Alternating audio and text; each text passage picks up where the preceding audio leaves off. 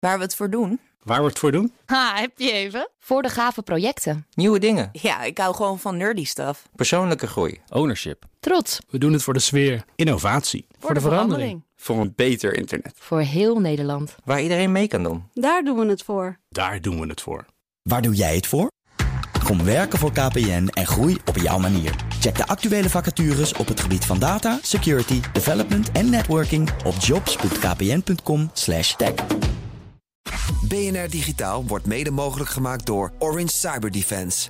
Orange Cyber Defense. Build a safer digital society. BNR Nieuwsradio. Digitaal. Herbert Blankenstein. Welkom bij BNR Digitaal. Heb jij Facebook-vrienden met extremistische ideeën?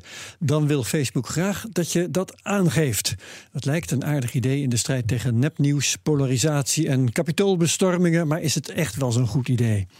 Daar gaan we zo meteen op in met Boris Veldhuizen van Zanten, CEO van The Next Web. Welkom alvast. Dankjewel. En nu eerst hergebruik van apparaten die je aansluit op het Internet of Things. Specifiek Amazons draadloze slimme speaker Echo.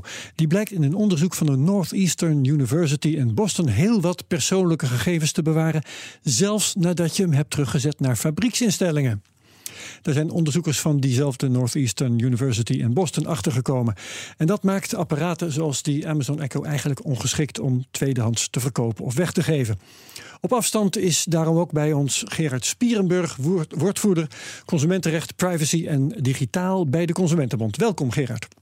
Ja, dankjewel. Even voor iedereen. Hè. Um, waarom moet je je gegevens nou zorgvuldig wissen als je zo'n Internet of Things apparaat wegdoet?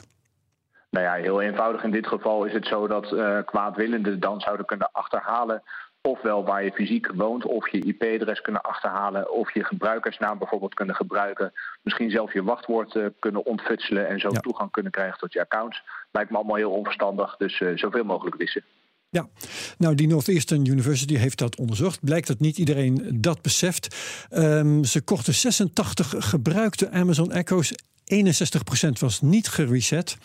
Maar ook als ze wel waren gereset, dan konden de onderzoekers met een beetje elektrisch knutselwerk gevoelige gegevens nog uit dat flashgeheugen halen. Boris, wist jij dat dat kon eigenlijk?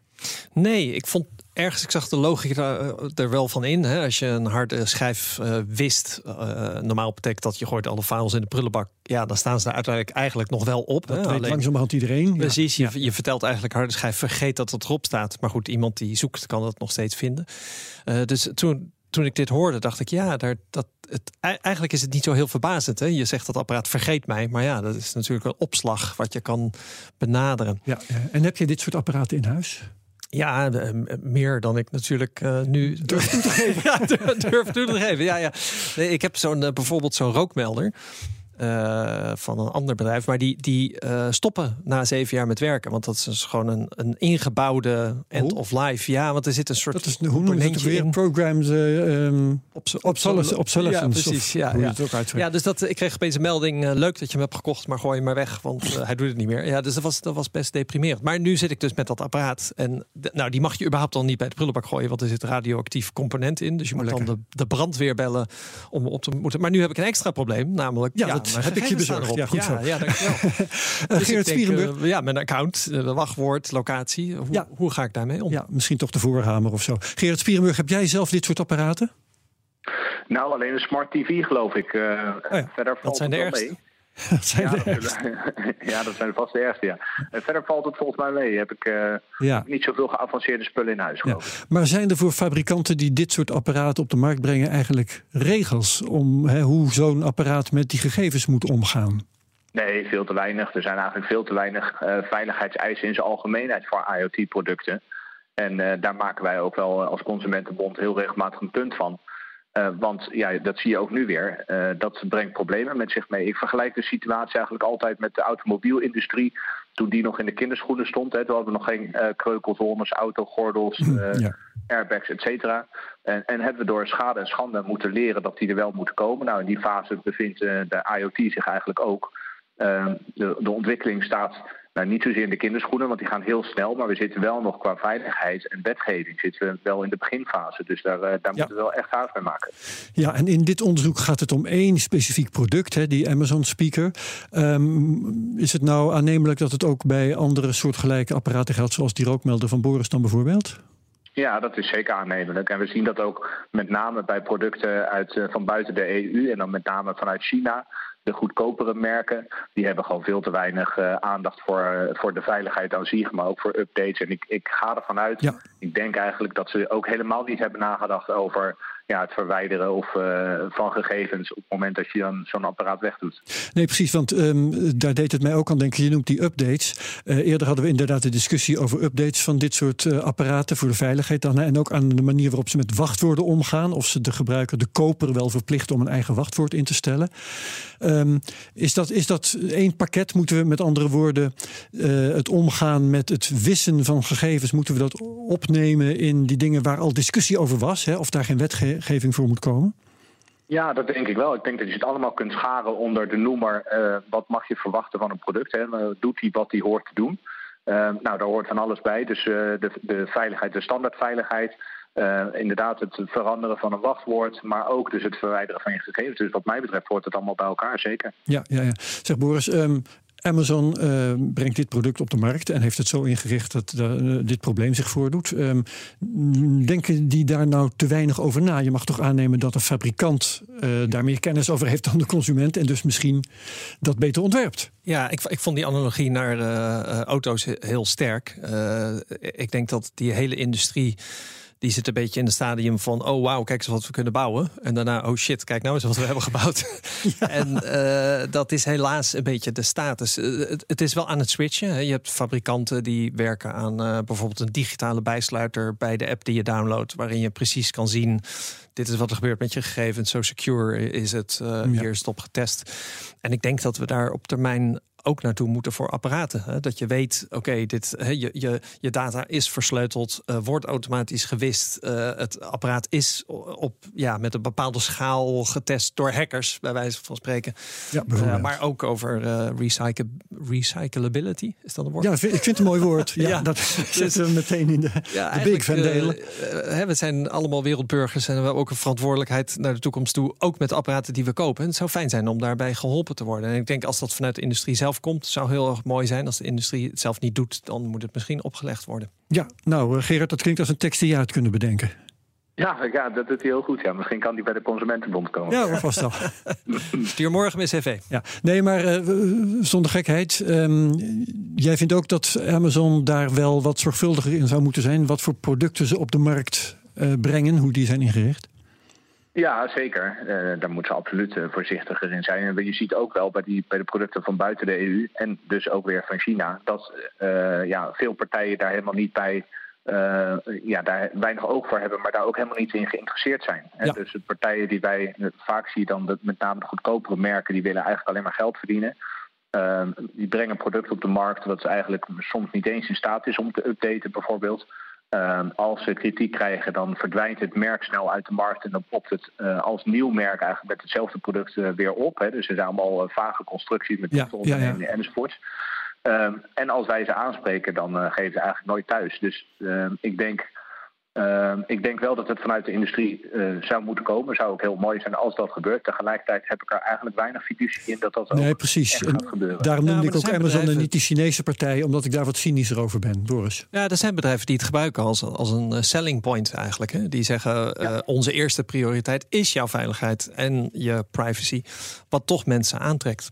Ja. ja, zeker. En ik denk dat het op de lange termijn ook, ook echt gaat helpen. En inderdaad hun marktpositie ook echt gaat verbeteren. En Gerard, um, dit wetende, hè, als je nu zo'n slimme speaker wilt weggooien, je bijvoorbeeld je, je, koopt een nieuwe en betere, uh, altijd natuurlijk betere nieuwe producten op de markt.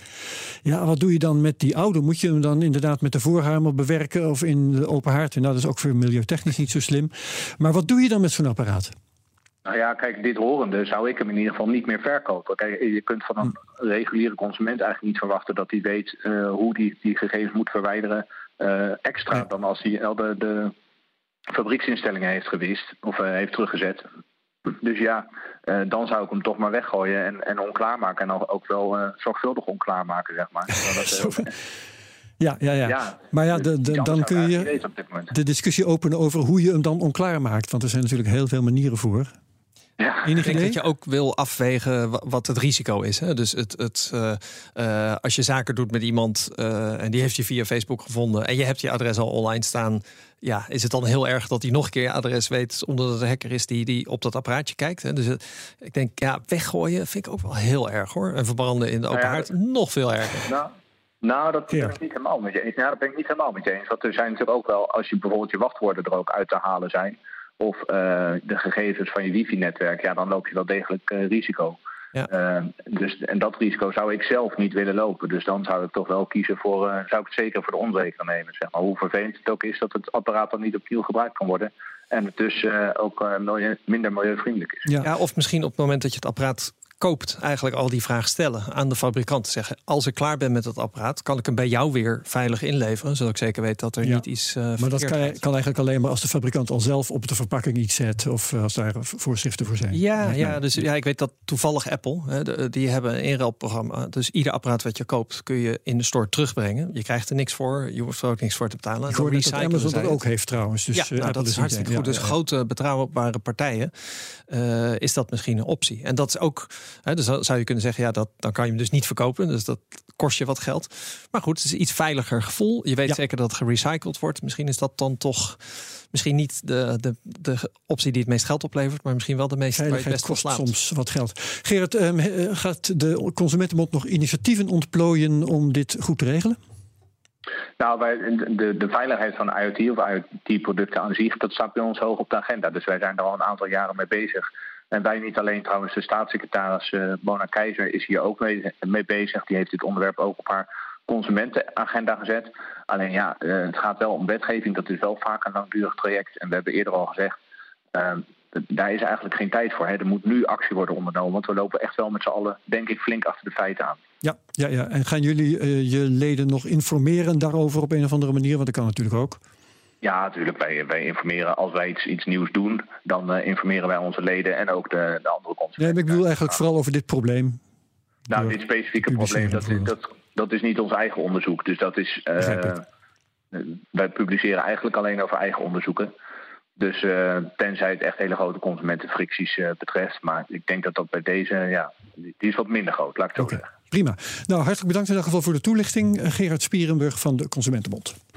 Herbert Blankenstein. En we gaan door naar Facebook. Heeft de afgelopen jaren te maken gehad met privacy-schandalen, fake news, extremisme. En nu is het nieuws dat Facebook daar wat tegen wil doen. Zo lijkt het tenminste.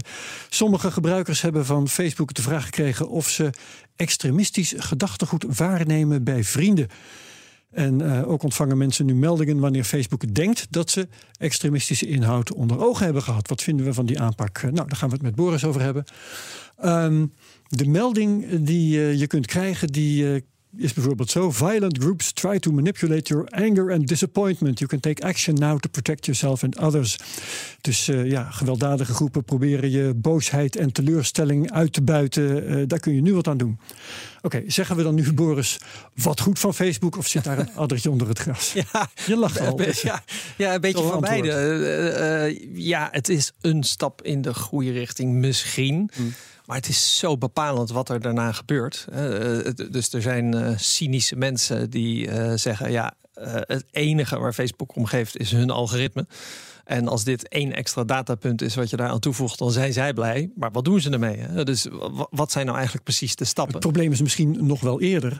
Want hoe herken je als eenvoudige Facebook-gebruiker extremisme? Nou, dat komt er nog bij. Ja, define nee, ja, extremisme. Ja, ja nee, we kennen allemaal het interview op straat... waarbij de, de buurman van de terrorist wordt gevraagd... die allemaal zeggen, het leek zo'n nette man.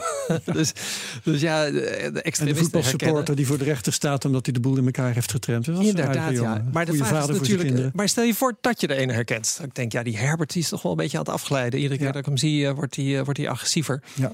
Uh, nou ja, dan wil ik toch wel even weten... wat wat er nou precies gebeurt voordat ik Facebook ga vertellen dat ik jou niet meer vertrouw. Wat gaan ze doen met die Ja, informatie? Als het enige is jouw eh, wapens eh, aanbieden en, en kogelvrije vesten in de aanbieding, ja, dan eh, ga ik net zo goed Ja. niet jou aanmelden. Als ze zeggen, nou weet je wat, daarna gaan we het algoritme aanpassen zodat jij minder geconfronteerd wordt met die opruiende. Waarmee je polemiek. zegt, dat is allemaal nog onduidelijk. Hè? En dat is super onduidelijk, ja. Ja. Ja, dus ze zeggen, eh, geef je vrienden aan, maar niet wat er daarna gebeurt. Ja, dat, vind Ja. Ik, dat is nogal lastig. Overigens kun je wel eh, support krijgen op een of andere manier. Je, je klikken op de knop, geef mij nu support. Ja, ja. Jij enig idee wat er dan gebeurt? Nee, nee, Nee. ook geen idee wat er gebeurt. Nee, ja, het is natuurlijk nog vroeg. Dus er zijn, ehm, er zijn screenshots uitgelekt van mensen die deze melding kregen. Dus we weten ook niet of, het, of ze het voor iedereen hebben aangezet of, of dat het Of alleen nog maar is. proefdraaien? Ja. Weten we ook niet. En een woordvoerder heeft daarop gereageerd. Zoals woordvoerders dat doen met eh, taal waar je niet speciaal heel veel uit leert. Dus het, het is nog heel vroeg en we hebben heel weinig informatie. En daarom is het moeilijk voor ons op om meteen al te oordelen. Tegelijkertijd neem ik ze dat ook een beetje kwalijk. Hè? Dus ik denk, kijk, iedereen kijkt kritisch naar Facebook. Ja. Als je zo'n test gaat doen als dit, waarvan je weet dat die waarschijnlijk gaat uitlekken, zorg dan ook dat je je verhaal klaar hebt. Sterker nog, vertel je verhaal voordat je het überhaupt live zet. Ja. Zodat wij alvast kunnen oordelen en denken: oh wauw, oké, ja, nee, dit klinkt als een concrete actie, Ja. als iets waar je achter kan staan. Ik snap nu als gebruiker wat, wat, hè, hoe kan ik mijn vrienden herkennen? Wat, wat bedoelen ze nou eigenlijk precies? En misschien ook En vooral ook wat ze gaan doen als je iemand aangeeft. Want het Absoluut. is, het is ook wel weer een beetje een kliklijn. Hè? Nou ja, eh, ja, zo, ja. kijk, het gevaar is, het komt over als een kliklijn. Hè? De- de- inderdaad. eh, en eh, snitches eh, get eh, stitches. Dus dat is niet. Hè, dat, ja, Ja. Dat, komt gewoon niet zo positief over. Terwijl ik, ik gok dat. dat laten, we er, laten we er even van uitgaan dat ze het goed bedoelen. Hè, dus dat, dat het goed bedoelen. En dat ze Ja. hier aan wat willen doen. Eh, Maar dan zou ik dat zeggen, weet je trouwens ook nooit. Hè? Want het kan zijn om, eh, Ja. v- om het algoritme te scoren. Ja. Of om voor de politiek een man, in elk geval een manoeuvre uit te halen. Waardoor misschien wetgeving wordt afgewend. Dat een politicus kan zeggen: hé, hey, maar ze doen toch zoveel. Toen is aan, ja, er was, er zijn zelfs eh, was iemand eh, op, op het internet die zei: eh, Oh. Ja, eh, nu de volgende keer dat een extremist een aanslag pleegt, dan kan Facebook zeggen: Ja, maar zijn vrienden hebben hem ook niet aangegeven. Dus ja, wat kunnen wij er Ja, dus, eh, maar, dat is. Kijk, ik weet niet hoe realistisch is. Ik weet niet hoe redelijk het is om dat over Facebook te zeggen. Maar de, de status van Facebook op dit moment is dat het die reactie uitlokt. Ja. En wat dat betreft vind ik het hun het kwalijk te ja, nemen. het dat altijd ze dat fast. voorzien. Hè, Waarom begrijp je als Facebook niet... Oké, we, we, hè, eh, je reputatie komt te voet, gaat te paard. Die van ons is met een raceauto vertrekken, vertrokken de afgelopen jaren. Daar moeten we wat aan doen. Laten we dan ook zorgen dat we super helder communiceren. En niet een soort... Ja, niet alleen dit. communiceren, maar ook dat, dat plan Dat plan tot in details klaar hebben liggen. Absoluut, ja. En ik denk, kijk, ik, eh, ehm, ik denk dat iedere luisteraar heeft in zijn omgeving wel iemand waarvan je denkt: oh mijn god, hoe krijg ik die weer op het rechte pad? Ja. En iedereen stelt die vraag van ja, hoe doe je dat? Ja. Want wat de aanval aangaan, ja, dat, dat- dat, dat heeft geen zin. Nee, maar bovendien in, in eh, eh, de afdeling Define Extremisme ehm, kan ik een vaccinwappie aangeven. Ja. Maar die vaccinwappie die denkt van ja, die Herbert die spoort ook helemaal niet, want die laat zich vaccineren. Die geeft mij weer aan. Dat is dat- weer een verdieping in het verhaal. Ja. Eh, one man's eh, terrorist is another man's eh, freedom fighter. Dus wie gaat precies wie aangeven? En, en hoe gaan we dat verschil... eh, ja, hoe, hoe, en, en ook dat is dan weer iets wat ik eh, Facebook kwalijk neem. Dat je zegt van ja, je kunt dat niet zomaar in het wild gooien... en hopen dat iedereen dat begrijpt en, en er niet misbruik van gaat maken. Want ik kan ook gewoon, als ik een hekel heb aan Pietje... eh, Pietje gaan eh, aanmelden als extremist. En misschien is Pietje... Hè, want eh, misschien komt Pietje inderdaad wel op allerlei nou, verschrikkelijke sites. Maar misschien is Pietje wel journalist. En die discussies hebben we in het verleden Yes. heel vaak gehad. Hè? Kun je Ja. iemand afrekenen op zijn Ja, kijkgedrag? of je naar porno gaat, of porno sites Ja. gaat, of eh, de, de dark web en weet ik veel. Precies, ja. Hè? Dus het is natuurlijk heel gevaarlijk dat je kan zeggen... oh ja, eh, Herbert, die, eh, ja, vorige week zat hij enorm op extreemrechts eh, website eh, en agressief. En ik denk van ja, maar ja, je, misschien heb je er wel een programma over. Ja. Undercover allemaal, tuurlijk. Ja. Ja, dus het, het, het, ze doen een beetje als, als, oh, het is gewoon een dingetje en we doen toch iets. Dus dat moet je ons voor waarderen. Terwijl ik denk, dit is zo'n ingewikkeld onderwerp. Dat, ja, dat is heel onrespectvol, ook naar ons als gebruiker, om dat zomaar de wereld in te Ja. sturen. Eh, dan nog, als je dat zou gaan doen, stel dat je dat dan dat je dat verantwoorde plan wel had en eh, een communicatiestrategie, ehm, die beïnvloedt de user experience. Dus mensen die zijn druk bezig met uh, scrollen door de timeline en krijgen dan opeens zo'n melding. Ja. Ehm, ja, dat is. Facebook benadeelt zichzelf daarmee misschien, want je krijgt minder tijd om naar advertenties te kijken. Verder nog iets? Nou, nee, ik zie die niet zo. Ik, ik, ik denk dat mensen erg op zoek zijn naar een oplossing voor dit probleem. Het is een maatschappelijk probleem. Hè? Dat, dat uh, meningen zo ver uit elkaar gaan dat het eigenlijk de relatie uh, uh, ja, verslechtert. En dat iedereen een beetje onmachtig is. Hè? dus de, de, de, de conspiracy thinkers die voelen zich in een hoekje gedrukt. En op het moment dat je zegt, ja, maar dat is niet zo, dan denken ze, oh ja, zie je wel, jij bent ook een van, van de rest. Ja. Dus dat probleem willen we heel graag oplossen. Ik denk dat als Facebook met iets komt waardoor we denken: hey, wauw, dit helpt. Nou, dan zijn we heel dankbaar. dus dat was een hele mooie post vond ik een paar weken geleden met iemand zei: Hier heb je gewoon een paar tips van hoe je met zo iemand kan praten op een manier dat het niet ruzie wordt. Nou, was ik wel blij mee. Heb ik wel met een paar vrienden gedeeld. Dat zou Facebook ook kunnen doen. En een simpel voorbeeld: eh, die tekst die ze schrijven is niet eens zo heel slecht, omdat ze heel erg mhm. ingaan op de emoties eigenlijk. Hè? Ja, anger and disappointment ja, staat precies, er. Ja, maar dat is, dat is slim gedaan, omdat dus één manier als je, als je met, uh, met de wappie zeg maar, in discussie gaat en je komt met feiten of je gaat hun feiten proberen te weerleggen, dat wordt heel frustrerend. Want ze hebben meer gelezen dan jij, want ze zijn niet voor niks wappie. En ieder nieuw feitje wat je weerlegt, hebben ze vijf andere feitjes. Dus daar, kom je nooit uit. Hmm. Terwijl tegen iemand zeggen: Goh, je komt gewoon heel boos en agressief over. En daar word ik ongemakkelijk van. Oh, ik, ik dacht juist dat dat een verkeerde manier zou zijn om mensen te benaderen. Je bent zeker boos en teleurgesteld. Dat is als je daar, dus dan heb je het over jouw emoties en die invloed van jouw emoties op mijn emoties. En dan kun je eigenlijk vrij snel een wat menselijker gesprek hebben. En dan zegt iemand, ja, ik voel me gewoon niet gehoord. En dan kun je zeggen, oh nou, door mij dan niet? Zullen we dat straks ja. nu eens naar je luisteren? Wat is de onderliggende problematiek? En dan kom je verder, als je het naar een menselijk niveau trekt, dan... Um, ik weet het niet helemaal zeker, want uh, je hebt het nu over degene die zij benaderen om eventueel extremisme aan te geven.